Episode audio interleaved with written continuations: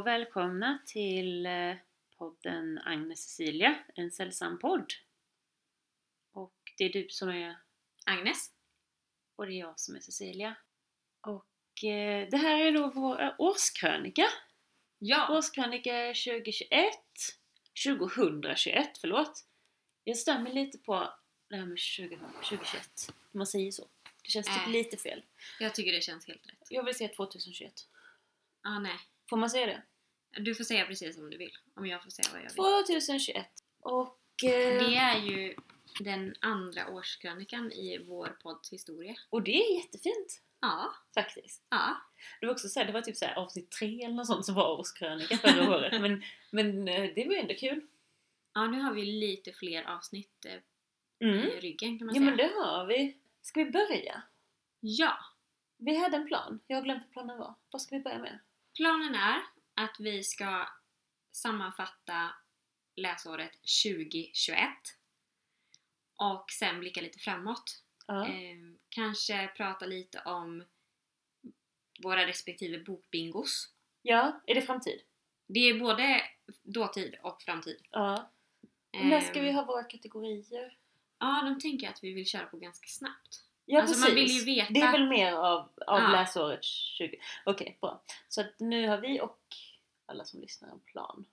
Precis, och eh, vill man eh, veta mer om de här böckerna som vi pratar om, då får man helt enkelt lyssna på tidigare avsnitt av podden. Ja! Utom avsnitt 13 som inte finns. Ja, just Så det. det finns ett hål med saker. Jag kommer att prata i alla fall om en bok som jag inte har pratat om då på grund av avsnitt 13 som inte finns. Ja, vill du förklara för nytillkomna lyssnare vad som Ja. hände med avsnitt 13? Avsnitt 13 hade så dålig ljudkvalitet att det inte gick att publicera. Man kunde inte höra vad vi sa. Och eh, att, eh, som alla vet så nummer 13 ska man ju också undvika. Man ska ju så det. Att det, det kändes som tydliga signaler om att detta avsnitt bör ej Ja sändas. precis, så då, då blev det ingenting. Så där finns det några godbitar eh, från det avsnittet som, eh, jag, eller några, men jag kommer ta upp i alla fall Mm. eh, en därifrån. Kul! Men ehm, hur många böcker har du läst i år? Alltså, jag skulle säga min spontana känsla när jag räknade var att oj vad lite böcker jag har läst i år. Ja. Men sen slog det mig att jag nog läste väldigt många böcker förra året. Eh, så att egentligen har det kanske varit ett normalt år. ja. Eh, jag har läst 39 böcker. Det är ändå bra jobbat tycker jag. Och speciellt med tanke på att du har börjat jobba heltid Ja, det är ju ett, eh, på ditt första lärarjobb. ja, det är ju ett elände. Ja, men alltså jag menar det... Alltså så här, när man har jobbat ett tag så är väl att jobba heltid kanske lite lugnare men när man har sitt första lärarjobb så är heltid. Att du överhuvudtaget har läst någonting i höst, det tycker jag är imponerande. Ja, och jag är ändå eh, glad för att jag liksom fortfarande har läslust. Ja men verkligen. Ehm, så det känns kul. Jag skulle ändå säga att det har varit ett okej läsår. Ehm, även om i relation till förra året så har jag läst mycket, mycket färre böcker. Mm. Och också många färre riktigt bra böcker. Det känns som att jag pikade förra året. Förhoppningsvis är det Nej. inte sant eftersom jag bara är 30. Ja. Eh, Jag hoppas att jag kommer att ha många bra läsår framför mig. Men ja. hur har ditt eh, läsår varit? Eh, jag har väl läst ungefär lika mycket som jag har gjort de senaste åren, tror jag. Eh, jag har läst, vad blev det nu då?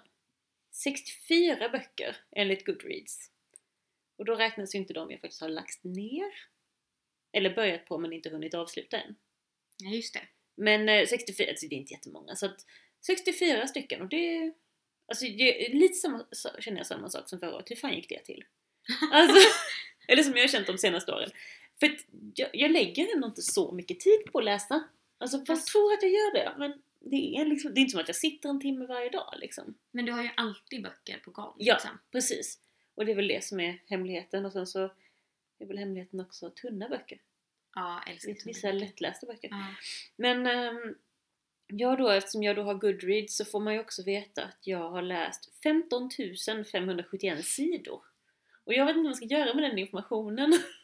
eller om Tatuera det är in den. mycket eller lite för att så här, Nej, det säger ju inte så mycket. Nej, för att man vet inte hur mycket alla... Men det som är intressant, det står här då också att min average book length Alltså Ja. medellängden på boken är 243 sidor. Det kanske säger mer. 64 Det är böcker på ganska- 243 sidor. Det är ändå ganska saftigt tycker jag. Ja, faktiskt. Och igen, jag vet inte hur det här har gått till. Nej. Alltså jag känner att jag kanske har läst 15 000 sidor halvtaskiga eh, inlämningsuppgifter på spanska från mina elever. Ja, det är säkert. Eh, och det så kan vi ju inte ha det. Nej, men Ehm, ehm, det finns ju också ljudböcker. Jag har ju lyssnat på ljudböcker också. ja, Eh, kan du liksom se, jag som är lite mer eh, analog än vad du är, Ja. skulle man inte kunna tro. Men eh, har ju inte Goodreads. Kan man liksom se på Goodreads liksom hur många ljudböcker och så du har Eh. lyssnat på? Alltså jag får ju inte upp det här i den här sammanfattningen men då har jag ju min egen lilla sammanfattning. Ah, ett Excel-dokument. Ett Excel-dokument och där har vi sex stycken ljudböcker. Jag håller också på med en ljudbok som jag började på i typ så här oktober. Vad är det för något? Det är Madame Bovary. Mhm. Och så tänkte jag att jag skulle liksom bli klar med den innan nyår men det är typ fem timmar kvar så vi får se hur det blir med den saken. Ja. Mest för att, och nu kommer jag komma in på läsbingo. Ah. Mest för att i ett av mina läsbingon så står det, eller vad heter det, läsutmaningar. Så står det att eh, jag ska läsa en bok som mentions a pineapple. Aha. Alltså som nämner en ananas. Och det gör Madame Bovary. Hon går på en middag där det finns ananas. Visste du detta innan Nej, det visste jag inte! Men om jag inte klarar av att läsa ut Madame Bovary, eller Ah. lyssna ut Madame Bovary innan 2021 är slut, så får jag inte kryssa i den kategorin. Åh nej. Så att eh, jag har ju ändå typ 24 timmar på mig. Ja, det känns som att din chans att liksom eh, uppnå någon ny nivå i din eh, läsutmaning är lite bättre än min. För jag har konstaterat att mitt enda sätt att få bingo, Ja. jag kallar ju det för bingo, Ja. eh, och det är ju då att få en rad. Ja. Eh, det är om jag på 24 timmar nu då läser Walden. Hela Walden. Vad är det för någonting? Ja men den boken av, vad heter han? Walden? Ja. Ah, men gud, nu har jag hjärnsläpp. Eh, Google. Jag känner min vän. inte till Walden. Jo, du vet. Walden? Jag tänker på han, var är Walden? Ja, Toro. Va? Vem? Eh, Toro? Ja. Det handlar ju om typ att såhär en... Eh, Du tror att jag är mer allmän- allmänbildad än vad jag är? nej men det är typ, eh, det handlar om när han så här, går ut i skogen. Jag vet inte vem. Toro är. Borde jag Eh, veta? Henry David Thoreau. Eller Henri David Thoreau. Eh, Är han fransk? nej. Är han engelsk? Eh, nu ska vi se här. Åh, nu blir det så många kunskapsluckor här. Eh, Är det här någon jag borde känna den till? heter Skogsliv vid Walden. I Walden. Jag har aldrig talat om det här. Inte Toro heller. Eh, han var ju liksom såhär natur... Eh, eh, romantisk eh, filosof typ. Har du skrivit upp att du ska läsa specifikt den boken? Ja, för att det var en jättegullig bibliotekarie som tipsade mig om det. Jaha. Och då kände jag, det här måste jag ju göra. Eh, problemet är ju att den förmodligen är jättelång. Jag har ju den här hemma. Ja, okej. Eh, men Så om du börjar nu så... jag kommer inte hinna läsa den. Så jag kommer helt enkelt inte få bingo. Okej. Aha, ja, men alltså jag har ju ett bingo som är Mm. just en bingoplatta Mm. där man kan kryssa. Ja. Liksom, jag tror jag hade 20 kategorier eller något sånt. Och den har jag fått bingo på med liksom en rad. Jag har fått flera rader. Det är bara några stycken kvar för att få hela, hela rutan liksom. Oj. Ja, du vet så bra ja. Jag... Men eh, vad jag inte har läst och jag också tycker är så lite dåligt. Ah, Jag har inte läst en bok från Nya Zeeland. Det kändes som att det inte skulle vara jättesvårt att uppfylla. Men det har Nej jag inte men gjort. alltså jag har också en sån. För jag har ett bingo då som är 1, 2, 3, 4, 5 gånger 5 rutor. Ja. Så det är 25 rutor. Jag har inte ens fått en rad. Jag har Ja. nästan fått en rad om jag hade läst Walden. Då hade jag fått diagonalen. Ja. Eh, men en sak som är pinsam, som jag inte har fått, Mm. det är en ärvd bok. För alltså alla mina bokhyllor är fyllda av ärvda böcker. ja, det... Ja. Eh, men eh, jag kan ju ha läst någon ärvd Ja. bok men då skrivit in det på någon svårare kategori inom citationstecken. Ja, ja. Eh, ja men precis. Men det är samma med min ananasgrej. Jag läste Ja. en annan bok också med en ananas i. ah, Men den kvalade in någon annanstans och Ja. då tänkte jag skitsamma. man kan inte läsa en bok bara för att det finns en ananas liksom. Nej, alltså vad är din inställning till såna här eh, läsutmaningar eller bingo? Var, varför har du det? Jag vet inte. Alltså första gången som jag hade ett eget bingo egenkonstruerat, det är ju Mm. faktiskt i år och jag blev inspirerad av dig och gör just ett bingo. Eh, Jag har inte gjort det innan men det tyckte jag faktiskt var kul och det kommer jag göra igen nästa Mm. år. Jag måste kanske börja på det typ nu. Men däremot så har jag funderat på om jag ska skita i de andra läsutmaningarna. Mm. För jag vet inte om jag tycker att de har gett mig så himla mycket. Eh, vissa, alltså det finns Det finns ju en som heter eh, Den heter Read Harder Challenge och så är det att man ska gå liksom kanske läsa så olika minoritetsförfattare Mm. och sådär. Men jag tycker att de ofta tar det liksom så här ett snäpp för långt. Ah. Alltså så här, Det kan vara så här. Läs en apokalyptisk sci-fi antologi av en eh, svart författare och man bara Va? Va? Ah. Nej! Jag vill inte. Eller Nej. liksom, Nej. det, då läser jag hellre en svart författare bara och så får det vara Ah. vilken som måste inte vara dessutom Nej. jättekonstig sci-fi som jag inte skulle läst annars liksom. Va, hur kom det sig att du började med, med såna... Alltså jag gillar Läser ju listor, älskar Ja. listor av olika slag. Och det är ju, alltså, alltså det finns ju verkligen en risk att jag sitter här två dagar och liksom med mina listor igen. Men eh, man kan, jag kanske ska, ah, jag vet inte, jag ska inte lova någonting. Men eh, Men för du har ju det här Excel-dokumentet där du fyller i. Och där har Ja. du ju ändå lite olika typ kategorier som du... Ja, det var kategori, vad hade jag för kategorier här? Att det är en ljudbok. Se, ja, serie, ti- seriebok, vad var då serie? ljudbok, eh, serie, om jag läste det i bokcirkeln, lyssna på radioföljetongen. Ja. Men sen har du ju Mm. där också kön. Ja just det, här har jag också, det har, jag- nu har inte sammanfattat det här på något fint sätt, det skulle jag göra. Man kan få jättefina, vad heter det, Diagram. diagram av det här. Vi kanske kan Ja. eh, lägga upp det på Facebook sen. Kanske. Och kanske om vi orkar skaffa Instagram kanske vi kan lägga upp det där. Mm.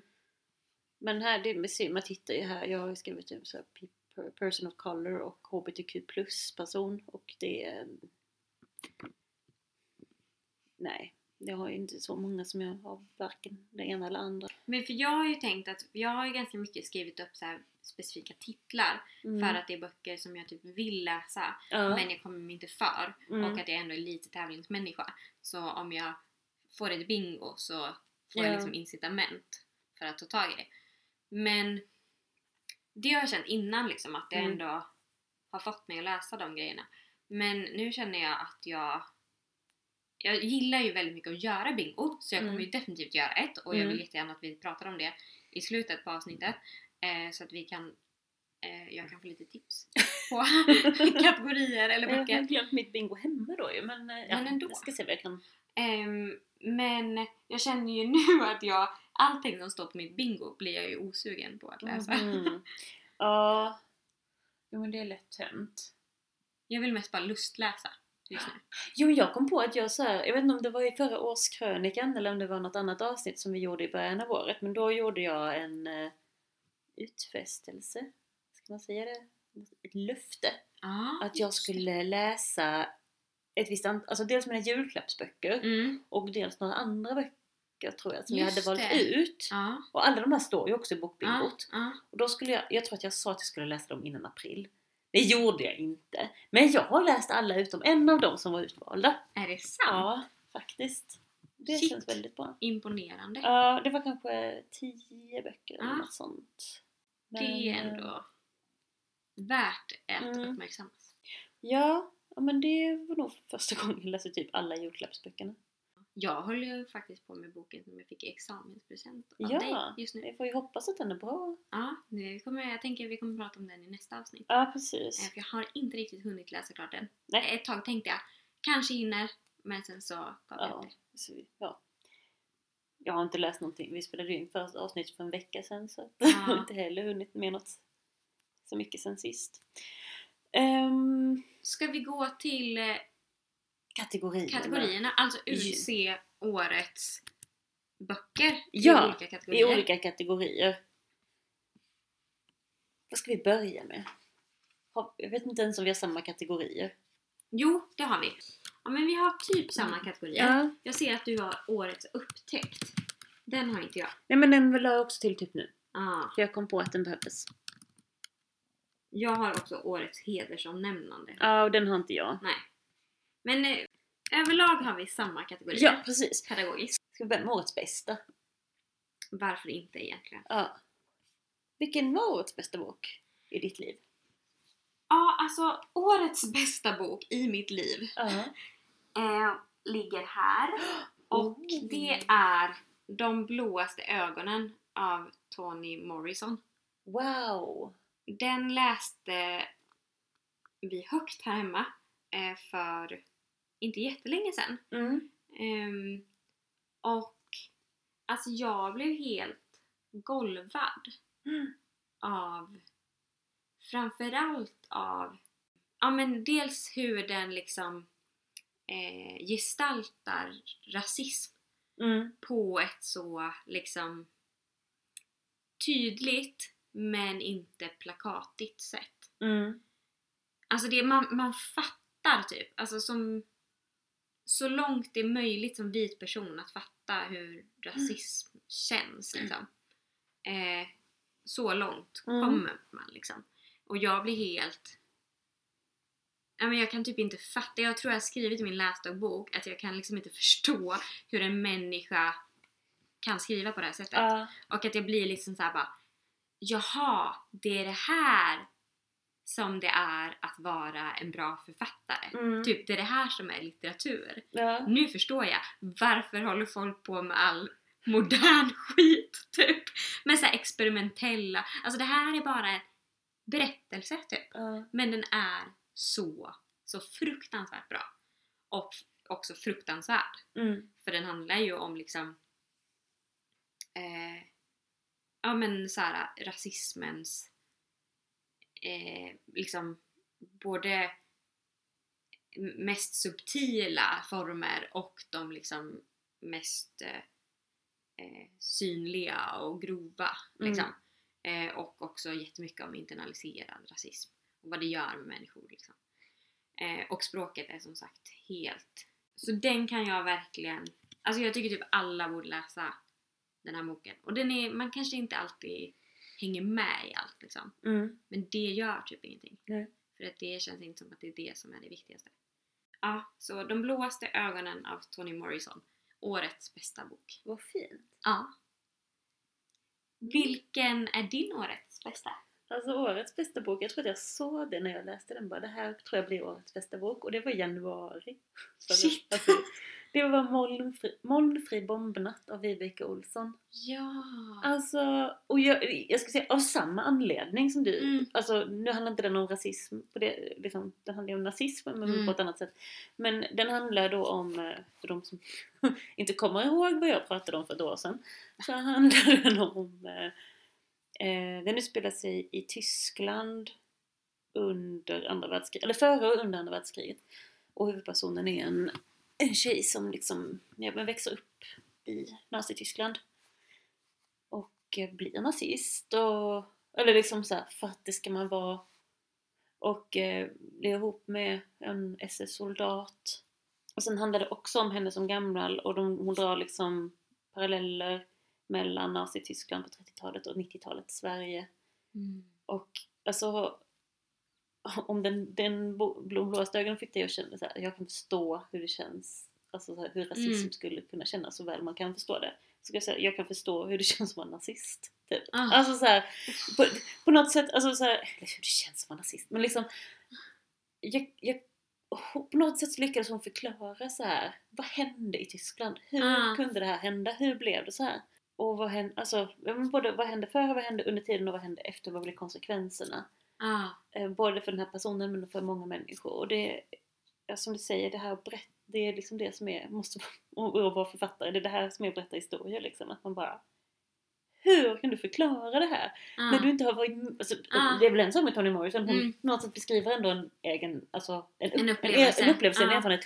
Men hur kan den här människan som inte ens levde under andra världskriget, hur kan hon förklara hur det kändes? Nej. Jag fattar inte! Nej. Jag fattar inte, för jag, någonstans så tänker jag att det måste varit så här det kändes. Ja. Så det är årets bästa bok.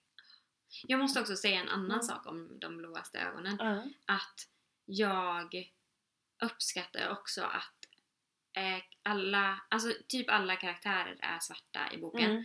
Ehm, men de är också jättenyanserat beskrivna. Mm. Det är liksom så här. Nej, det är inte fantastiska personer. Det är inte liksom Mm. oskyldiga människor eller liksom eh, ädla personer. Utan det är så här, ja, men det är våldtäktsmän och det är hustrumisshandlare och liksom pedofiler. Eller liksom det är jävla mycket skit. Mm. Men det spelar ingen... Eller liksom, hon försöker inte... Det är inte som att så här, rasism får bara finnas om svarta är exemplariska Mm. varelser liksom. Utan det är, det är som att... Ja men lite som i så här... Eh, när man pratar om typ sexuellt våld och så, att det, så här, det spelar ingen roll vad hon hade på sig. Mm. Det är fortfarande inte okej Nej. att våldta. Och lite här, så här, rasism är inte okej även om det finns svarta män som är svin typ. Mm. Eller eh, svarta mammor som slår sina barn. Ja. Det spelar ingen roll. Eh, och det tycker jag också var så här. Det är så himla modigt och det är så himla viktigt. Att det inte bara blir någon så här eh, idealbild liksom av offren på något sätt. Ja. Utan att man kan vara både offer och förövare. Och, ja. Ja. Ja, Mm. jag ska inte prata mer om det. Nej, men eh, ja. Det känns som att vi ändå så här, det finns någon slags likhet mellan Ja. de här böckerna. Stora berättelser liksom. som- Ja. Ska vi Nästa gå då? vidare till årets sämsta eller? Ja. Jag tyckte den var väldigt svår ut. Jag har inte läst någon sån här, något sånt riktigt bottennapp i år. Nej. Eh, det var liksom flera som kände, ja den här var kanske inte jättebra men det var liksom inte som att så här. Men jag satte den sämsta som De djupa floderna. Som var en peruansk bok som utspelade sig i en klosterskola. Just det. Och det kanske mest var för att jag tyckte att den var väldigt konstig. Ja. Och jag kunde inte riktigt förstå mig på den. Men den var inte så dålig heller. var det den som var lite självbiografisk? Ja, det var den. Ja. Men det känns jättetaskigt. Som att jag säger att hans liv var det sämsta. Det fanns andra dåliga... Nej, men, ja, jag, vet, jag läste ändå ut den. Men eh, det var väl den som jag... Det var inte så himla kul alltså. Inte så mycket bestående intryck. Nej, Det kan ju vara det även av en Jo, det är sant. dålig bok. Men jag kände bara att...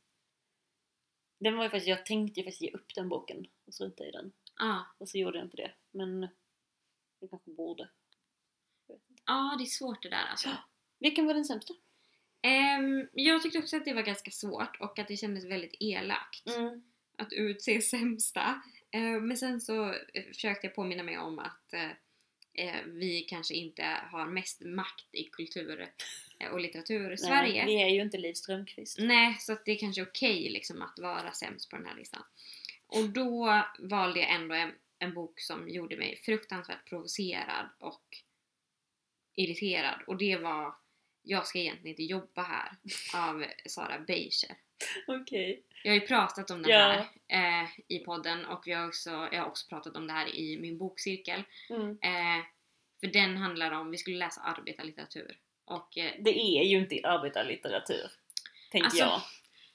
det är ju det, men det är inte det som jag tycker är arbetarlitteratur. Nej. För mig är ju arbetarlitteratur liksom kollektiv litteratur, alltså som handlar om så här, solidaritet mellan arbetare och sen handlar det också om liksom, villkoren och vad, det dagliga liksom. Mm. Men den här handlar ju om en ung störig tjej som är typ 19 som jobbar på ett äldreboende och tycker synd om sig själv för att hon vill egentligen bli skådespelare. Eh, och hon ska bara göra det här liksom tillfälligt tills hon Ja. liksom slår igenom. Och så tycker hon liksom att alla de här äldre är så äckliga eh, för de så här luktar illa och de är fula och jobbiga och det är så synd om henne. Och liksom tanken är kanske att på något sätt så här belysa en förändring så här att hon det, nu spoilar jag den här. Ja. Det slutar ändå med att hon så här bestämmer sig för att vara kvar där Mm. eh, och ge upp sina skådespelardrömmar lite grann. Eh, och hon inser att ja, de här äldre var visst människor. Eh, de var inte äckliga liksom, eh, objekt typ. Mm. Eh, men det är liksom noll klassanalys. Noll så här. Okej jag ska stanna kvar här eh, för de här människorna är människor och jag ska slåss för att vi får bra villkor och de... Nej nej! Utan det var så här, ja jag fick ju ändå en tills vidare tjänst och eh, eh, högre lön typ och eh, ja de var visst inte så äckliga som jag tänkte från början, de hade ju känslor. Och så liksom är det och bara, nej! Och det spelar ingen roll om det här, det kanske är jätterealistiskt, så här 19-åringar kanske Ja. är så här. Men jag blir så här, men då får ju de skärpa sig. Alltså nej, jag vill inte läsa om det här. Nej usch. Nej, Eh, okej. Så den var riktigt dålig. Tycker jag. Mm. Eller så var den jättebra fast det handlar om en störig person. Men Mm. jag tror inte det. Jag tror den var riktigt dålig. Okej. Så läs inte den. Nej. Jag har ju läst den och tyckte ändå den var ganska bra så att eh, Ja. vi tycker olika där. Men jag läste Mm. det inte heller som arbetarlitteratur. Nej. Nej, man kan ju tycka olika har jag förstått. Men den var, det här var årets sämsta. Ehm, vad tror du om årets mest otippade? Ja, jag tänkte också att den. Ja. Jag har eh, två böcker på den här Mm. eh, som tillhör eh, samma genre. Mhm. Och jag ska säga att både genren och böckerna är otippade. Ehm, och genren är då självhjälpslitteratur. Det hade jag förra året! Då hade jag självhjälpsbok på årets mest otippade. ja! Ja. Eh, det är inte någonting som jag läser sådär jätteofta. Eh, har kanske hänt, men då kanske mest ironiskt lite så. Mm. Ehm, men de här har jag ändå eh, läst hyfsat seriöst. Ja. Och den ena heter Dra åt helvete. Var det grälboken? Ja, det var grälboken. Ja. av Malin Hawind eller jag vet inte hur man Ja. uttalar det. Ehm, men eh, som jag gav till min sambo i förlovningspresent. Mm. Eh, som alltså handlar om eh, gräl och varför man bör gräla i Mm. relationer.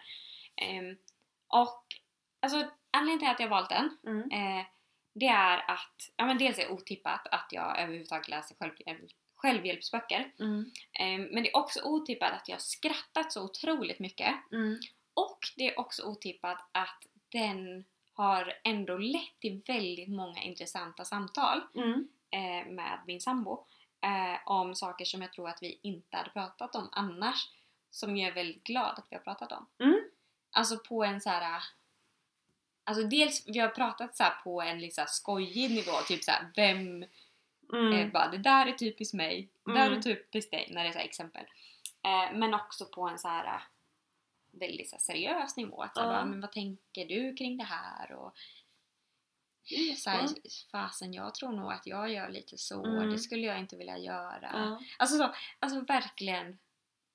Eh, ja, men jag Den har, har hjälpt er. ja men det skulle jag säga. Eh, och att det också har varit väldigt roligt. Alltså jag har skrattat väldigt mycket.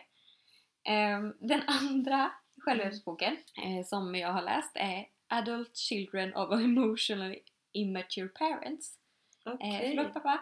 Eh, eh, som då handlar om hur det är att vara barn till eh, emotionellt omogna föräldrar. Okej. Eh. Gud vad spännande. Den här har du inte pratat om. Nej, det kanske inte har gjort. Nej. Eller jag har i alla fall inte... Ehm, jag Inte jag tror att det jag typ såg om den här boken i någon grupp kanske. Mm. Eh, och eh, ja, men jag kommer inte riktigt ihåg varför jag... Det är inte som att jag har gått runt och tänkt såhär, åh, jag är barn, jag är ett vuxet barn till en omogen eh, förälder. eh, men jag läste i alla fall den och så här kände igen mig ganska mycket i Mm. en del saker. Eh, inte i allt. Men alltså har verkligen funderat mycket på den och så här, pratat mycket om den boken Mhm. med folk och eh, eh, ja, men sett så här mönster som jag inte sett innan. Eh, och jag skulle ändå säga att den liksom har hjälpt mig eh, personligen men också i relation till min pappa. Mm. Eh, vilket är jätteoväntat. Och att eh, ja, men jag kände också att jag var så här. För den är inte så rolig läsning för så här, kontentan är typ så här, är du barn till en sån här person så blir du förmodligen lite så själv. Mm. Eller liksom så, här, så det är lite så här, du vet att du är eh, barn till en emotionellt eh, omogen förälder om du gör de här sakerna. Och så är det en typ lista på typ är ganska störiga beteenden och man bara Ja. okej, eh, det kanske jag till viss del. Eh, men också lite så bekräftelse i att så här, det kommer någonstans ifrån. Ja. Ehm, och eh, det, den kanske utger sig lite för att vara svaret på alla Mm. eh, frågor man har, som de ofta är, självhjälpsböcker. Men det var ändå lite trevligt att känna att det finns svar på frågor. ja, men intressant. Eh, så att, eh, ja, eh, två självhjälpsböcker. Ja. Eh, som har gett eh, oväntat mycket. Okej, kul. Ja, vilket, vilket är din mest otippade bok? Ja, jag har skrivit upp, det här är en av dem från avsnitt 13 tror jag. Mm. Som aldrig blev pratad om, eller som då inte kom ut. Den heter Under två timmar. Och nu borde jag ju veta vad personen som har skrivit den heter.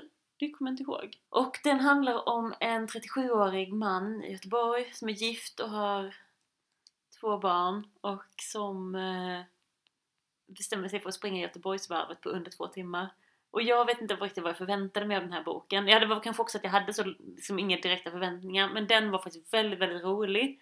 Hanna Landahl. Hanna Landahl och eh, Under två timmar heter boken. Den var väldigt rolig och det var så här, jag hade aldrig talat om henne eller boken. Eh, jag, bara, jag hade fått den, vunnit den i en quiz. Eh, och, eh, men väldigt, väldigt rolig. Jag skriver Mm. upp den här nu, för jag kommer ihåg när du pratade om den i Ja. avsnitt 13. Och att jag blev bara så här. Jag måste läsa den här boken. Ja, Eh, och det känns så oväntat. ja, Eh, för att det låter som något jag ja inte skulle välja. Nej men precis. Och så här, det var väl lite det också, men också apropå omogna vuxna så finns det Mm. några sådana i den boken. Ah. Men, men, nej, men den, den var liksom, ja men jag gillade den. Ah. Det, ja, som sagt, det kanske var de låga förväntningarnas liksom, Ja, men de är vad ska man inte... säga, välsignelse. Ja, Men, de men då man inte kan underskatta. vi gå till de höga förväntningarnas förbannelse Ja. och gå till årets besvikelse. Ja, Får jag börja? ja, du får börja. Och det var ju Handbok för språkpoliser av Sara Lövestam. Det är årets besvikelse. Jag tyckte det, nej det var inte kul. Det var inte roligt, eller det var lite roligt. Men det var inte bra. Och det var ju också faktiskt för att jag hade väldigt höga förväntningar. Ja, För att allt hon skriver är helt fantastiskt och hon är en helt... Allt hon rör vid är liksom blir ju till guld ungefär. Men hon, vad kan den människan inte liksom? Men nej, jag gillar inte den Hon boken. kan inte undvika, oh, nu var det många negationer där. Hon kan inte låta bli att skriva, ha med någon liten karaktär som håller på med språkvetenskap. Ja men det... Åh! Sluta! I alla fall, jag gillar inte den boken. Det blev årets besvikelse igen kanske också för att jag hade väldigt höga förväntningar. Mm. Högt fall. Ja, mycket högt fall. Ja. Så, jag är ledsen Sara. Jag Eh, gillar det ändå. min årets besvikelse är väl egentligen inte, jag hade inte jättehöga förväntningar. Nej. Så att, eh, Men de infriades ändå inte. nej men de infriades ändå inte. Och det här, den här kände jag mig faktiskt lite taskig. Ja. Men Vem är det som ska sluta lyssna nu? nu ska Iman Mohammed sluta lyssna. Okej. eh, som har skrivit en eh, poesi eh. Ja, det var den som var glittrig.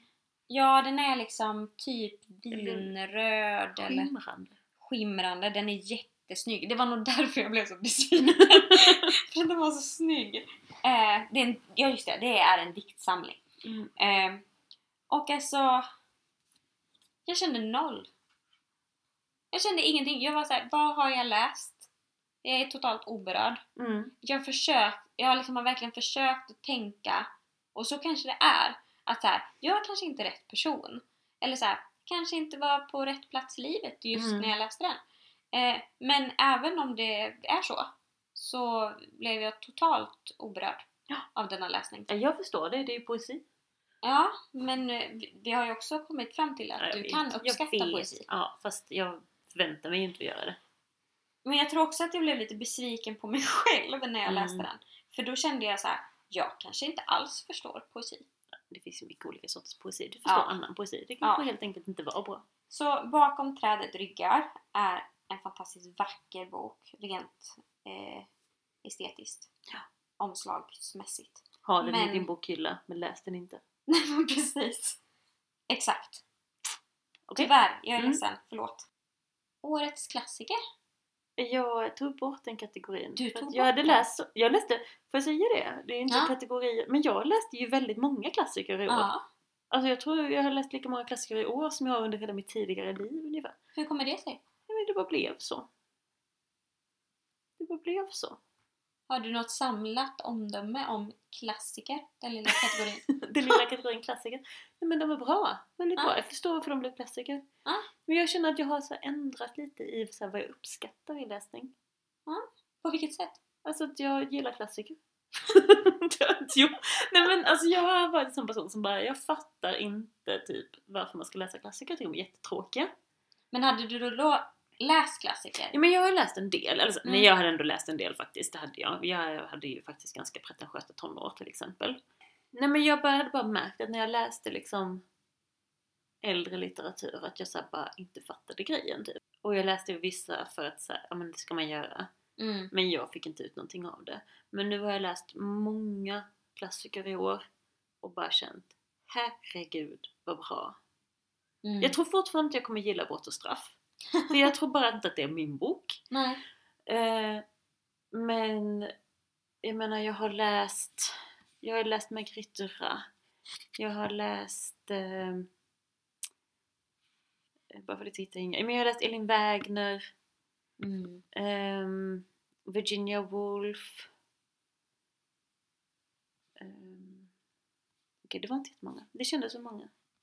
Men det är ändå... Eh, Men det var flera liksom.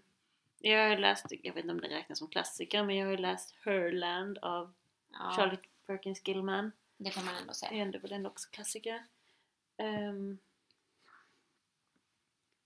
och eh, ja men alla de har jag gillat.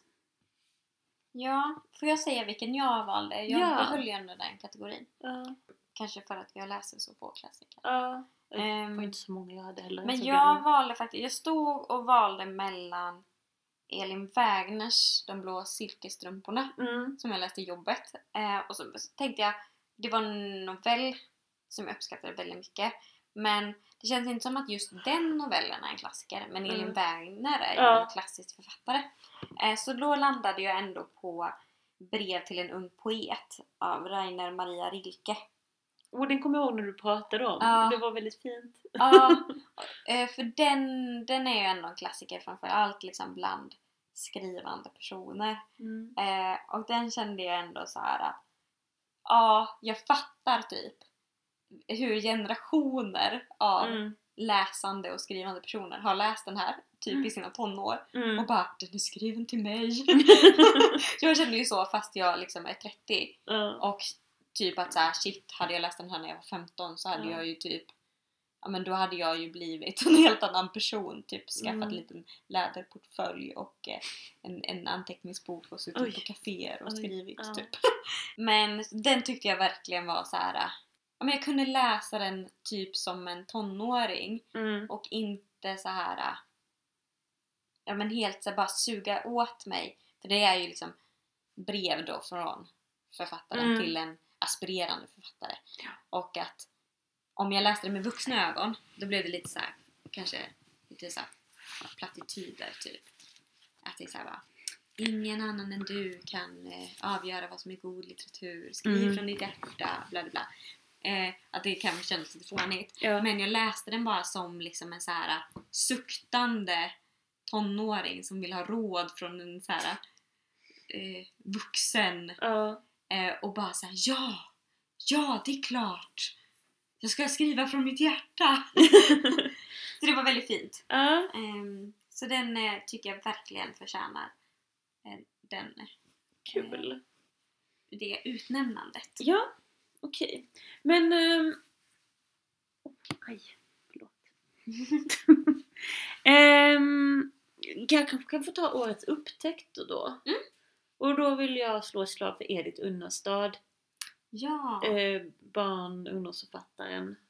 Som jag har läst tre böcker av i år. Som alla har varit helt fantastiska. Ehm, jag, jag visste ju vem hon var innan. Jag har läst hennes böcker innan. Men jag, det var kanske en återupptäckt. Ja. Och jag vill verkligen att fler ska börja läsa hennes böcker. Kan du inte bara säga för de som inte har lyssnat tidigare vilka böcker det är du har läst? Jag har läst eh, Kastrullresan Nu seglar Pip Larssons och Farmorsresan. Och det är alltså samma Kastrullresan som gick på TV. Precis, som blev tv-serie gång på 90-talet. Ah, Det är väl den mest kända av hennes böcker. Men jag måste säga att alla, alla de jag har läst har, har liksom, men väldigt hög kvalitet på liksom språk och innehåll och liksom Ja, bara väldigt, väldigt fina böcker. Som jag tror att många barn skulle må bra av att läsa eller höra. Sen är de gamla och med allt vad det innebär av liksom könsroller och sådär. mm. Men, men jag tänker att det får man faktiskt ta ibland. Ja, och man kan ju faktiskt samtala om det. Ja, precis. Kul! Ehm, Men eh, nej, väldigt, väldigt bra författare. Ska vi gå till årets kvarleva? Mm. Som jag tycker är ett väldigt fin kategori. Ja, den bör kanske förklaras. ja, alltså böcker som man så här, fortfarande tänker på, som finns kvar i en. Liksom. Ja, men precis. Vad har du? Ja, alltså. Eh, jag har valt De förklädda flickorna i Kabul av Jenny Nordberg. Mm. Och jag, jag skulle kanske ljuga om jag sa att den lever kvar liksom. Den har inte levt kvar hela året. Jag läste den ganska tidigt på året. Mm. Eh, men när jag gick igenom min läsdagbok och såg den så var jag såhär, just ja! Den, ja men den tänkte jag ju jättemycket på och, bara Mm. så här, och satte igång typ direkt. För det handlar ju liksom om eh, fenomenet med flickor som kläs ut till pojkar Mm. och lever som pojkar i Afghanistan. Eh, och det är något som liksom finns nu. Mm. Eh, och att eh, det är liksom typ eh, en så här eh, känd hemlighet. Typ. Mm. Att så här, alla vet om det men ingen säger någonting. Så att de får liksom passera Mm. på något sätt. Eh, och att det är så här eh, hon, författaren då, eh, träffar de här personerna, eller några tjejer då Mm. som lever som killar och liksom eh, försöker förstå typ bakgrunden och att den är lite olika till varför det har Mm. blivit så. Mm. Men också liksom vad som har hänt med dem när de har fått leva som pojkar. Att vissa har liksom eh, verkligen, det har bara varit liksom en utklädnad och för Mm. andra så har det blivit en identitet och liksom vad det har gjort. Och det har varit helt så fritt ifrån eh, etikett, alltså etiketter Mm. som vi använder liksom som trans eller liksom drag eller så. Mm. Eh, Och det var så befriande. Och det var också så fascinerande det här med att alltså en av orsakerna var ju till att, eller till att tjejer lever som killar är ju att tjejer är så hårt hållna Mm. liksom, och inte kan göra saker, Ja. inte kan jobba och Mm. studera och så. Men att samhället ändå lät det här Har- pågå. Precis, det finns någon slags ventil liksom. Ja, en säkerhetsventil för att det måste ändå, för Ja. att livet ska funka så måste det finnas. Ja, och det är så, så här Mm. fascinerande. Så att, ja, den har, hängde kvar jättelänge och jag har funderat jättemycket kring det. Eh, och pratade också med en nära vän som är från Afghanistan liksom om det och vi Mm. hade jättespännande samtal och Mm. eh, hon kände till det och ja, hon Mm. hade sina perspektiv på det. Och, ja, det var jätte, jättespännande. Så den kan jag verkligen rekommendera. Ja. Vad har du för bok som har levt kvar? Alltså jag har skrivit upp tre stycken. Och det är väl kanske sådana som... Det intressanta är att jag var två av dem är sådana som jag kanske inte gillade dem jättemycket när jag läste dem. Men på något sätt så har de ändå levt kvar. Och så att jag har tänkt på dem och att jag så kanske i efterhand har omvärderat min eh, första åsikt. Vad spännande. Ja, och en av dem är Dagarna, dagarna, dagarna av Tove Schunnesson. Mhm. Som jag eh, tyckte inte att den var jättedålig, men jag tyckte inte den var särskilt bra. Men den här karaktären Bibs som det handlar om, Ja. jag har tänkt jättemycket på henne och på hennes liksom drivkrafter och så här, vad, vad, vad var hon för en människa och varför blev det som det blev med henne och så här, ehm, och kanske framförallt så här.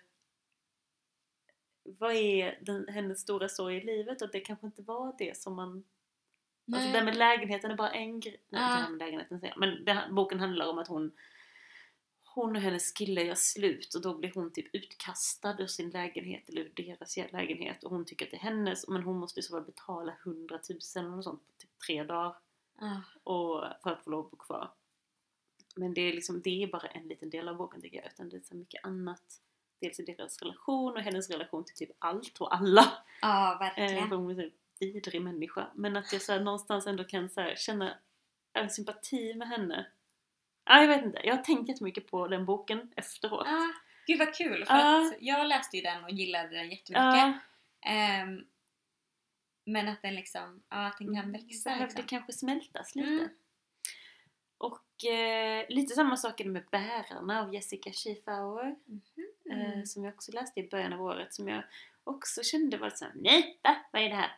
Eller jag gillade idén där det skulle vara som någon slags framtidsutopi där liksom det bara finns kvinnor och allting är så himla fint och fantastiskt men sen så finns det ju då sprickor i fasaden och så.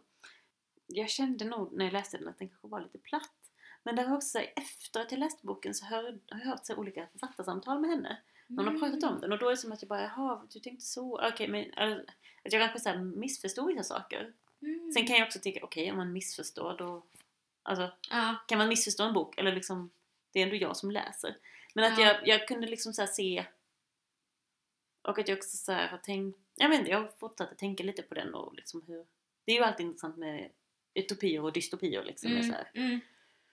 framtiden och vad den säger om nutiden och sådär. Och sen måste jag säga Monster i terapi av eh, Mats Strandberg och Jen Jägerfeld. Därför att den faktiskt har så här definierat ganska mycket om min läsning det här året. Alltså för att den handlar ju om fyra klassiker, Ah, eller vad säga, klassiska karaktärer som går i terapi i nutid hos en psykolog. Och jag har läst, efter det har jag läst två av de fyra böckerna. just ja, Dorian Jag har läst Gray. både Dorian Grays porträtt och eh, Camilla, Just det! Vampyren. vampyren. Det kanske borde varit fast den årets sämsta. Den var faktiskt eller årets besvikelse. den var inte så himla bra. men man får förlåta den för den är så himla gammal. Ja men det är Ja. ju så roligt Men med... Monster i terapi, alltså faktiskt så himla rolig idé Mm. eh, och verkligen inspirerande. Men det är så kul också när man märker att, att liksom böcker man har läst påverkar ens läsning. Både i så här vad man väljer att läsa, Ja. man kan liksom få tips indirekt och sådär. Eh, men också liksom att man... ja, Men du är så himla bra på att så här, dra paralleller mellan böcker. Så här, oväntade Det bara kommer till mig, det bara kommer till mig. Fast du ser ju det också. Ja. Eh, Att folk bor på samma gata och sånt där. Ah, det är fantastiskt. Men eh, vi ska gå vidare. Ja. Eh, ska vi prata om... Eh, har du årets viktigaste? Ja, det har jag. Ja. Vill du börja? Okej. Eh, det är ännu en av de som var i avsnitt 13. Mm. Jag går aldrig ensam. Johanna Wallin. Ja, precis. Jag går aldrig ensam av Johanna Wallin. Som eh, handlar om Israel-Palestina-konflikten. Ehm, hon åker till Palestina för att vara så här observatör vid gränsövergångar mellan Israel och Palestina och beskriver bara vad hon ser. Och det är så fruktansvärt. Alltså man vet redan att det är den ockupationen som pågår där är hemsk och eh, det är verkligen ett liksom, folkrättsbrott och apartheid och allt vad man vill säga om det. Men det, att man får det igen så svart på vitt är liksom... Mm. Jag kan, inte, jag kan inte förstå hur det här kan pågå. Hur Nej. kan det här pågå utan mer protester? Nej. Och jag vet att det har blivit värre sedan den här boken skrevs 2007. Mm. Eh, jag mådde typ illa när jag läste den för att det var så hemskt. Eh, vad människor råkar ut för. Det är urskillningslöst dödande liksom av, Ja. ja, de, alltså israeliska soldater dödar palestinier typ för skojs skull. Ja. Det finns liksom, det är ingenting. Ja, du tog ett steg åt vänster. Jag ville inte det. Jag dödade dig. Alltså det är, det är helt, helt orimligt. Eh, så det var en väldigt jobbig bok att läsa. Men väldigt eh, bra. Så det skulle jag nog säga faktiskt är årets viktigaste för mig. ja. Det fattar jag. Ja. Vad- vilken är din? Eh, jag har valt två böcker. Mm. Jag hade kunnat välja fler. Men jag valde två för att de ändå har samma tema. Ehm, och det är Samtycket av Vanessa Springora Mm. och Black Box av Shiori Ito. Ah, ja. Ehm, och båda de böckerna beskrivs typ som sina länders, res, respektive länders metoo-böcker typ. Eh, så samtycket är då eh, i Frankrike och Black Box är från Japan. Ehm, och eh, Vanessa Springora som har skrivit samtycket, hon skriver om sin relation med en känd fransk kulturman Mm. eh, från att hon var typ 14 år eh, och han var ju typ 50 eller något. Mm. Eh, och han var ju också öppen ped- pedofil Mm. och skrev om sina erövringar. Ehm, så att säga. Ehm, och fick hålla på med det. Och eh, ehm, sen så, och hon skriver helt enkelt om den här eh, relationen som Mm. de har eh, på ett också så här så himla inte urskuldande sätt. Alltså hon är så här jättetydlig med så här, jag var kär i honom, Mm. jag sa ja. Men det spelar ingen roll, för jag var 14. Mm. Det är hans, hans ansvar. Ja. Typ. Eh, och eh, ja men en så här jättemodig och jätte... Eh, man får verkligen sin så här. Dels blir man ju helt så här bara, men alltså hur är det möjligt att världen bara ser på Mm. eh, när detta händer? För Ja. det, så är det ju i Sverige och i alla andra länder liksom. Mm. Ehm, och det är så här, ja det finns några fall nu när man har satt ner foten typ. Mm. Men de allra flesta har man ju inte gjort det. Ehm, och kommer inte göra det. Ehm, och samma är det lite med Blackbox då som eh, är ehm, en japansk metoo-bok eh, som handlar om ett, eh, ett verkligt fall då där eh, författaren av boken eh, blir våldtagen av en han är typ någon slags också så kulturentreprenör typ Mm. eh, så rik man som äger något filmbolag eller tv-bolag eller någonting. Och eh, hur liksom hela det japanska systemet, eh, dels här, eh, juridiskt sett, Mm. att det är typ omöjligt att eh, bli dömd för våldtäkt. Mhm. För att eh, lagen är liksom en av liksom, de mer konservativa i Mm. eh, ändå moderna länder liksom, idag. Eh, och också att eh, eh, hur korrupt det är. Eh, för den här mannen lyckas ju liksom sätta stopp för den här rättsprocessen Okej. om och om igen. Det tar Ja. bara stutt hela tiden. Mhm. Eh, för att han är en sån känd man. Okej. Och, det, eh, och hon fastnar i så här liksom byråkratiskt, Okej. liksom bara ekorrhjul typ. Ja. Eh, som hon beskriver liksom. Eh, och det är så jäkla viktigt Mm. att det liksom kommer fram. Eh, och eh, ja, men hur skev lagstiftningen är. Och också liksom praxis typ, och synen på våldtäkt och Mm. eh, kvinnors ansvar versus mäns inget ansvar. Mm. Ehm, så två jätteviktiga böcker och också väldigt eh, modiga böcker som handlar om liksom deras egna erfarenheter av eh, mäns våld Mm. mot kvinnor. Så de är Årets viktigaste. skitviktiga böcker. Det låter viktigt. Ja. Vad har du Mm. för fler kategorier? Vi har årets språk. Ah. Bästa språk. Ah.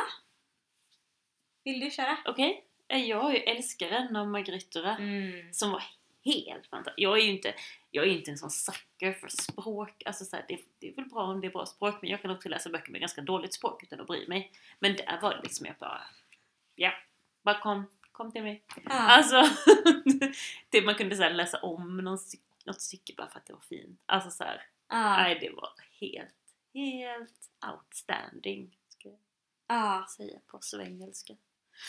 Jag Vilken hade du? förstår dig. Jag har ju också läst Mm. henne och eh, häpnat. Ja. Eh, men i år så har jag valt eh, två stycken. Mm. Och då har jag tagit två författare för att eh, jag har läst flera verk av dem. Ja. Och alla är helt fantastiska rent språkligt. Eh, och den första mm, har jag redan eh, har ju redan fått ett omnämnande Ja. och det är Toni Morrison. Ja. Ehm, både för De blåaste ögonen men också för Älskade som jag läst tidigare. Mm. Förra året tror jag. Alltså det... Man blir liksom så här, man kan typ plocka ut varje mening känns det som och bara så här, sätta upp det på väggen. För det är så vackert liksom. Ja. Man vill bara högläsa varje och bara så här, lyssna på den här meningen. Kan du fatta att någon har skrivit den här? Men du, alltså jag kände lite så faktiskt måste jag säga med Dorian Grays porträtt. Mm.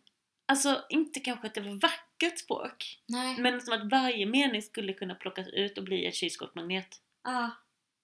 Det var faktiskt, ja. Ja men jag Det är var, helt... ja, inte, kanske inte, ja, som sagt, inte för att det var vackert men det var, det var liksom som att varje mening var ett statement typ. Ja. Ja men jag vill bara slås av det nu när jag har läst henne igen. Att Mm. bara så här, Det är ju det här som är litteratur. Allt annat är skit. Vi Typ. håller oss till klassiker här Ja. efter. Och sen så har jag valt en annan författare också Mm. som ju också är en klassisk författare och det är Thomas Mann. Mm. Och jag läste en novellsamling av honom eh, i början på året. Mm. Ehm, bland annat eh, Tony och Kryger, Tristan, Döden i Venedig och Mario och Trollkarlen. Och alltså, jag kan säga, jag fattade inte alla. Nej. Alltså det handlingsmässigt eh, var det inte det bästa jag läst. Nej. Men alltså, på alla var det som att jag bara Språket är helt jävla fantastiskt. Ja. Eh, förstår inte vad det handlar om. Eh, lite tveksamt liksom eh, ur ett så modernt eh, eh, perspektiv på liksom typ eh, rimlig sexualitet och sådär. Så är det med gamla böcker. Ja. Alltså så här, man kan liksom, det vet man ju om. Ja, men liksom bara språkligt så bara, jag fattar inte. Hur kan man skriva så här? Var kommer de här orden ifrån? Nej, men det är liksom Ja. helt eh, outstanding. Ja, så Jag har Thomas så svårt Mann- att använda ordet outstanding men det var det, var det enda jag kunde komma på. Ja, jag vågade ju inte Vad säga är- toppen eller kanon eller Du kan inte säga super. toppen. Kanoners. Kanoners språk. Ja, nej. Nej, men så Thomas Mann och eh, Toni Morrison. Och Margrit. Ja. Om man Ja. vill ha vackert språk. Precis. Eller då, vad heter han? Oscar Wilde. Årets sluk. Den tyckte jag var svår, för jag känner att jag har inte slukat.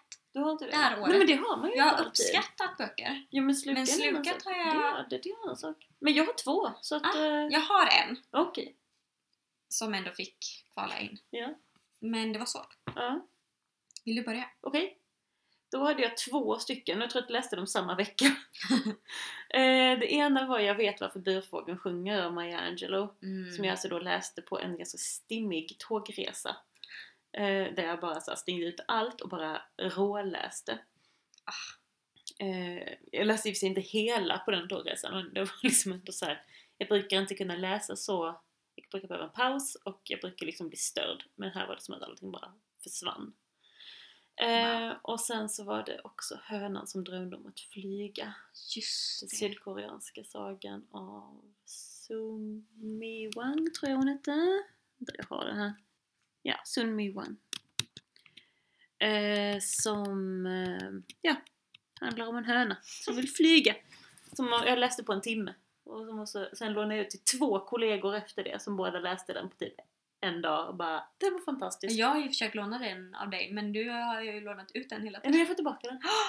Så att nästa gång, Ja, nästa gång vi ses får du låna den. jag har skrivit upp den. Ja. Den kanske Eh, kommer vara nu får du läsa i två timmar. Så att Mm. det är det du har på dig. Ja, det var dem. Jag har valt Kamalas bok av Inger Edelfelt. Ah. För den läste jag ändå under en dag. Tror jag. Det, ja, då, det Eh. räknas som sluk. Sen var det ju att jag läste också hela dagen för att jag hade möjlighet att göra det. Eh, men den jag liksom, Men du ville ju också, alltså här, tänkte, man kan ju ibland ha möjligheten och bara, nej jag orkar inte. ja. men den var liksom så här, den var så lättläst och så var den ändå liksom en sån här 90-talsbok. Eh, typ som Inger Alvén.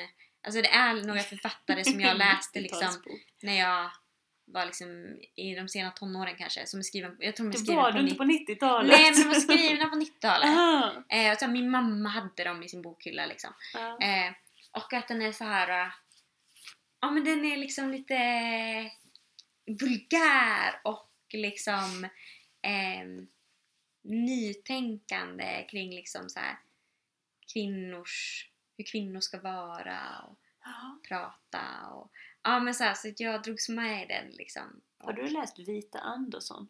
Nej? Kanske du borde? Hon skrev ju också lite sådana. Hmm. Alltså jag läste dem när jag var i tonåren så jag vet inte hur de har åldrats. Men de är väl mer så 70-80-tal någonting. Jag skriver upp här. Och vulgär, vulgära och sånt där. Ja, ja men det var mycket så här kroppsligt och eh, om så här relationer och Jag tror att det var hon Vita Andersson, eller så var det Susanne Brögger, jag kommer inte ihåg, någon av dem, för jag läste några sådana böcker typ samtidigt. Och i en av dem, så, jag tror det var novell, noveller, och då var det så en novell som handlade om en tjej, eller kvinna, hon var väl vuxen, som typ så här. Det handlade typ om att hon och hennes kille hade sex i jättemånga olika positioner. Jättekonstiga. Eller, det är det jag minns. Det var, så här, jätte, hon, typ- hon stod typ på huvudet. Alltså så här, det var typ jättekonstigt. Jag bara jaha, Åh, vad är det här? Eh, Men eh, ja. Nej men det var... Ja det var ändå ett sluk skulle jag säga. Mm. Sen har jag skrivit upp årets roligaste, men den hade jag ju väldigt svårt att hitta. Jag har inte läst så många roliga böcker. Det känns ändå som att du brukar läsa roliga jag böcker. vet, jag gillar ju roliga saker men jag, jag skulle skriva upp Kastrullresan för att den ändå var rolig men det var liksom inte... Det var inte sådär som man skrattade eller... Eh, det gjorde jag väl. Men, ja. Ja, inte som att det här, åh gud, den var jättekul. Men, Nej. ja. Men du kanske har haft ett oroligt läsår helt enkelt. ja. Tråkigt. Men kanske ett roligt år. Ja. Jag ska läsa fler roliga böcker nästa år. Ja. Jag har, jag har faktiskt en årets roligaste. Ja. Eh, och det, den kanske inte var rolig rakt igenom. Men jag har ändå skrivit just ordet rolig i Mm. min eh, läsdagbok. Mm. Och det är novellsamlingen Jag ser allt du gör av Annika Norlin. Mm. För då var det ändå, jag lyssnade på den och då var det Olof Wretling som läste och då blir det ju Och kul om det inte var det från början. Ja. Eh, alltså lite dråpligt och liksom absurda situationer. Det blir lite pinsamt, lite skevt och ja men så här. Ja, hon skriver ju också liksom detaljer och så här liknelser som är väldigt roliga. Mm. Så jag minns att jag satt och pusslade och liksom skrattade när jag lyssnade på den här. Ehm, så den tycker jag ändå var rolig även om det fanns också jättemycket djup och liksom Mm. också eh, tyngre eh, noveller och partier liksom. Men eh, ja, i Olof Wretlings tappning så var den också väldigt, väldigt rolig. Ja, det känns som en sån bok som liksom, det är helt olika upplevelser att läsa och lyssna på den. Ja, jag är så glad att jag lyssnade på den. Ja, jag har bara läst den, jag kanske borde lyssna också. Mm. Jag kanske måste lägga till att Monster i terapi var ju faktiskt ganska rolig. Ja, det kan jag tänka mig. Så att jag kanske, den kanske också får kvar den som årets roligaste. Ja, Det kändes som att Kastrullresan var lite av en nödlösning. jag förstår. Jag har en sista kategori. Ja. Har du den kvar? Jag har en kategori, ja.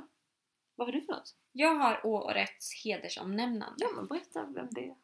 Eh, då har jag valt två författare Ja. eh, som jag ändå känner så här att ja, men det här är ändå så här två böcker eller två författare som jag har liksom men kanske blivit lite så glatt överraskad eller liksom Mm. inte haft så mycket förväntningar och så här uppskattat väldigt mycket Mm. Och som kanske inte är så välkända. Nej. Eh, så tänkte jag det vore kul att nämna dem även om de inte platsade in i någon annan kategori. Mm. Och den ena är en novellsamling. Tror jag. Säger jag Mm. rätt nu? Ja, jo, men det är en novellsamling. Som heter Tropiska fiskar. Av Mm. Doreen Baingana. Och eh, jag- jag har för mig att hon är en ugandisk författare. Eh, och man får följa eh, ett gäng systrar och deras liksom uppväxt och vardagsliv liksom. Mm. Eh, från olika systrars perspektiv då liksom. Eh, så att de här novellerna hänger ihop. Man kan Mm. läsa dem fristående men de hänger ihop. Och jag minns att jag tyckte de var så otroligt välskrivna utifrån ett så här, den ålderns perspektiv på något sätt. Mm. Att liksom när de var barn så kändes det verkligen som att det var ett barns perspektiv. Och sen liksom tonåring och också så här, de här olika systrarnas liksom karaktärer. Mm. Att, det, att det syntes liksom i hela perspektivet på något sätt. Eh, och att jag tyckte att det var väldigt häftigt. Och det var också kul att läsa om så här, unga människors vardagsliv i ett land eh, och en miljö som skiljer sig väldigt mycket Mm. från mitt eget och eh, också det jag oftast läser. Så det var väldigt kul och den var också väldigt snygg. Den var så här knallig grön och så var den som tropisk fisk på. Ehm, och den andra då som jag vill nämna det är Utgående farkost av Ursula Andkjær Olsen. En dansk poet. Mm. Eh, och det är också någon slags diktsamling eller så. Eh, men liksom hela, hela liksom premissen är att hon är så jävla arg. Hon är så trött på att folk är så optimistiska och så här, äh, bara ska se allting från den ljusa sidan och så bara rantar hon. Mm. Rakt igenom. Och det är liksom en sån, sån krock typ, för jag såg någon intervju med henne och hon är så jätte, så här, ganska späd, söt, eh, liksom Mm. kvinna. Eh, ja, men så väldigt gullig liksom. Mm. Och så är det liksom så totalt mörker. och bara också så här, äh, ja men eh, bitterhet. Alltså den är jätterolig för att den är så... Och jag blev liksom så här stärkt i typ så här, eh, det negativas plats i Mm. samhället. Mm. Typ. Att såhär, ja nej, det får fan vara nog med all optimism alltså. Leve pessimismen kände jag. Ja. Eh, så det måste jag ändå slå ett slag för, utgående farkost. Okej. Ja men kul. Ja. Upplyftande deppläsning Ja, men liksom. det kan man behöva. Mm. Jag har då årets Vill ge en ny chans.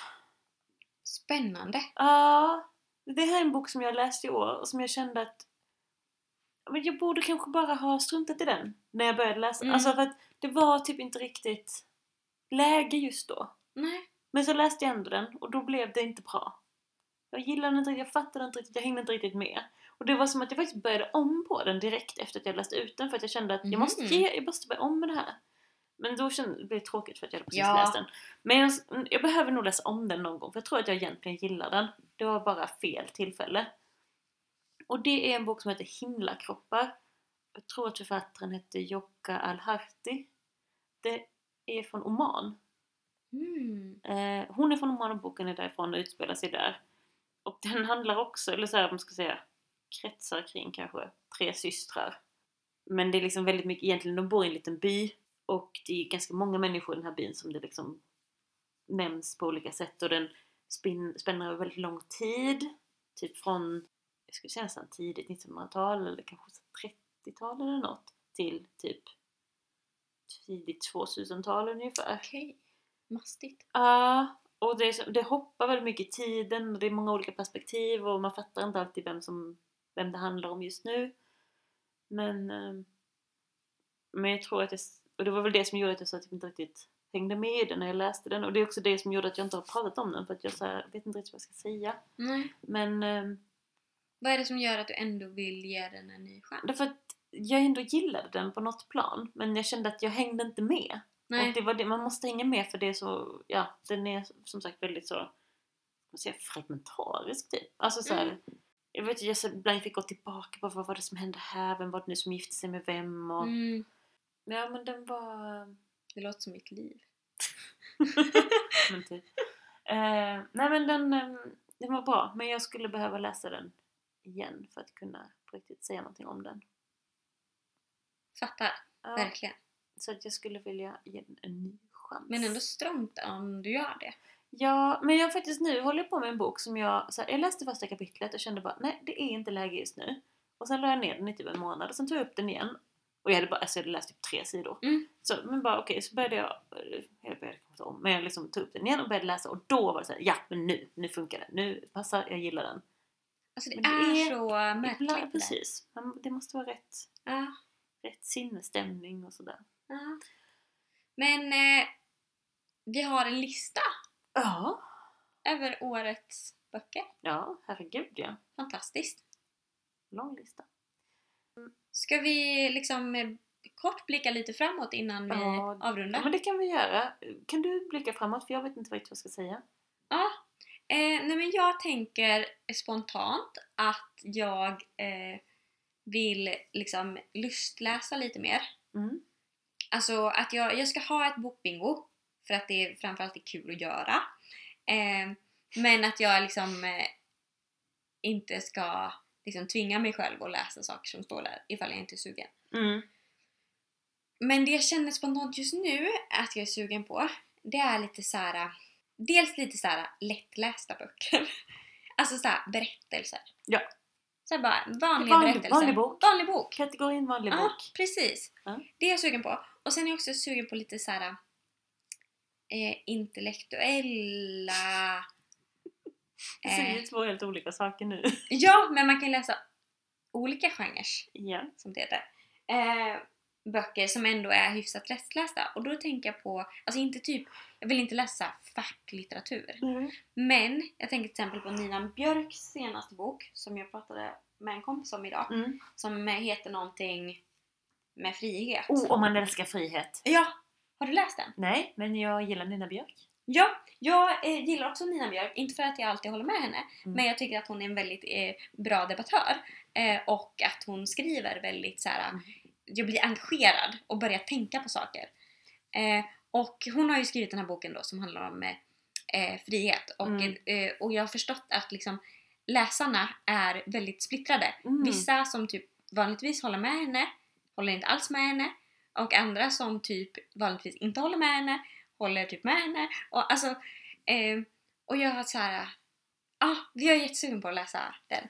Jag måste bara säga då Mm. att jag har ju en gång druckit öl med Nina Björk. Att jag, jag visste inte om det. Jag visste inte hur hon såg ut.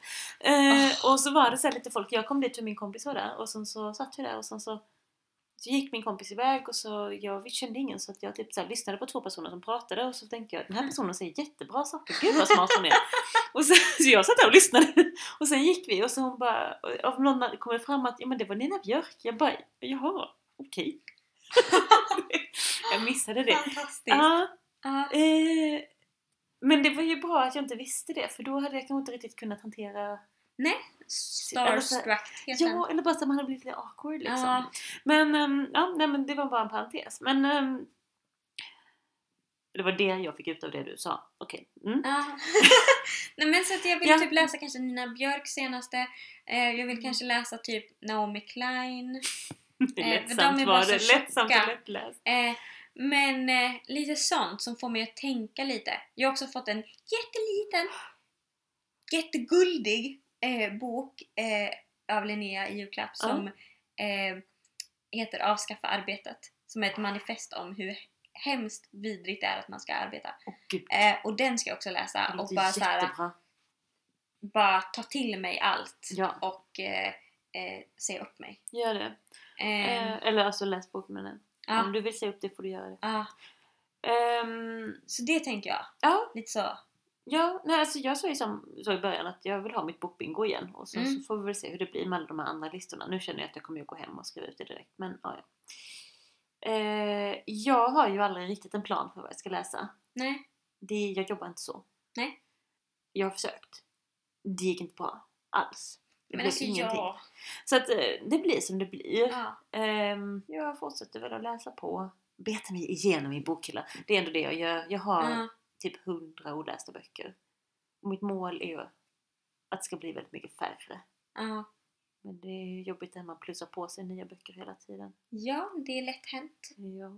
Det finns så mycket gratisböcker här i livet. Ja.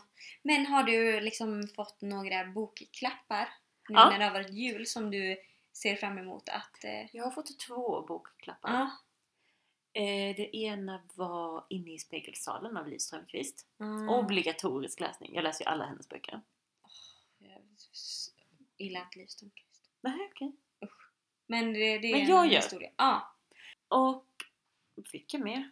Jag fick en bok som hette Kvinnor jag tänker på om natten. ja, just det. Ja, den har jag talas om. Så får vi väl se om Mm. den är bra. Det, jag, har- som har, jag har typ inget intryck av den riktigt än. Alltså så här, Du har börjat på den? nej, Nej. nej, alltså det har jag inte. Ehm, Nej, jag har bara hört eh, att den eh, är väldigt poppis och, Mm. men också att några är besvikna för de har tänkt att det skulle vara lite mer erotisk och att den inte var Nej, eh, kvinnor jag tänker på om natten på det sättet. Nej, nej det, det, jag har läst baksidestexten och det är nog väldigt oerotiskt. Ja, och jag ja. fick den också av min pappa så att... eh, Ja, ja men den, Alltså, då får vi ja, hoppas nej. att det... Ehm, nej. Men sen tänkte jag väl fortsätta för läsa min så här, alltså från olika länder i världen. Ja. Ska se om jag kan utöka det mer än vad jag Mm. gjorde i år. Det hade varit kul om jag hade haft någon statistik att dela med mig av. Men nu har jag inte det. Nej. Ehm, kanske jag kan nämna det i nästa avsnitt eller något istället om någon skulle tycka att det är spännande. Jag kom på en sak som vi typ aldrig säger. Som vi Ja. kanske borde säga. Vi säger ju att vi gärna tar emot beundrarpost. Ja. Väldigt lite beundrarpost har kommit in. Och Ah. jag tror jag vet varför. Har vi glömt säga mailadressen? Ja, vi har aldrig någonsin sagt att vi har en mailadress. Oj då! Men den finns. Ja. Och den är Agnes Cecilia podd med två d gmail.com Och vi finns också på Facebook. Kanske kommer vi finnas på Instagram i framtiden. Mm. Det beror på eh, hur så eh, teknikfientlig jag har blivit. Om jag har eh, Ja. skaffat en eh, sån här knapptelefon och flyttat ut i skogen eller om Precis. jag är kvar där Ja. jag är. Nej, men så att eh, så kan man komma i kontakt med oss. Ja! Om man inte känner oss personligen, då kan man ju kontakta oss personligen. Ja, det är okej. Ni som lyssnar känner oss förmodligen personligen. Någon av oss. Eh, och har man tips på vad vi ska läsa nästa år Oj, så... så kan man kontakta Agnes. Ja, Jag ska ju läsa från min bokhylla. ja, men jag vill alltid ha tips. Eh, nu har jag ju fått eh, fler tips från dig. Ja. Eh, jag har skrivit ner under två timmar, Göteborgsvarvet, eh, handlar den om. Jag tänkte det Eh, jag går aldrig ensam mer, Ja. Palestina, Israel-Palestina. Hönan som drömde om att flyga och Vita Andersson. Okej, kul. Ja, det kanske kan finnas med på mitt bokbingo. Ja, ja. Jag tror också att Walden ska få följa med. En bok från Nya Zeeland. Ja. Ja, nej men ehm, då säger vi så. Ja, Tack för att ni har lyssnat. ja tack för ett, eh, ett fint poddår. Verkligen. Tack själv. Ytterligare ett år. Se fram emot Nästa. ett år till, Ja, minst. minst. Kul. Ha det bra tills vi hörs nästa gång. Det, ja, detsamma. Eller Eller, vi ja. hörs av er. Ja, Ni lyssnar precis. på oss. Ja, Ha det bra. Gott nytt år. gott nytt år! Hej då.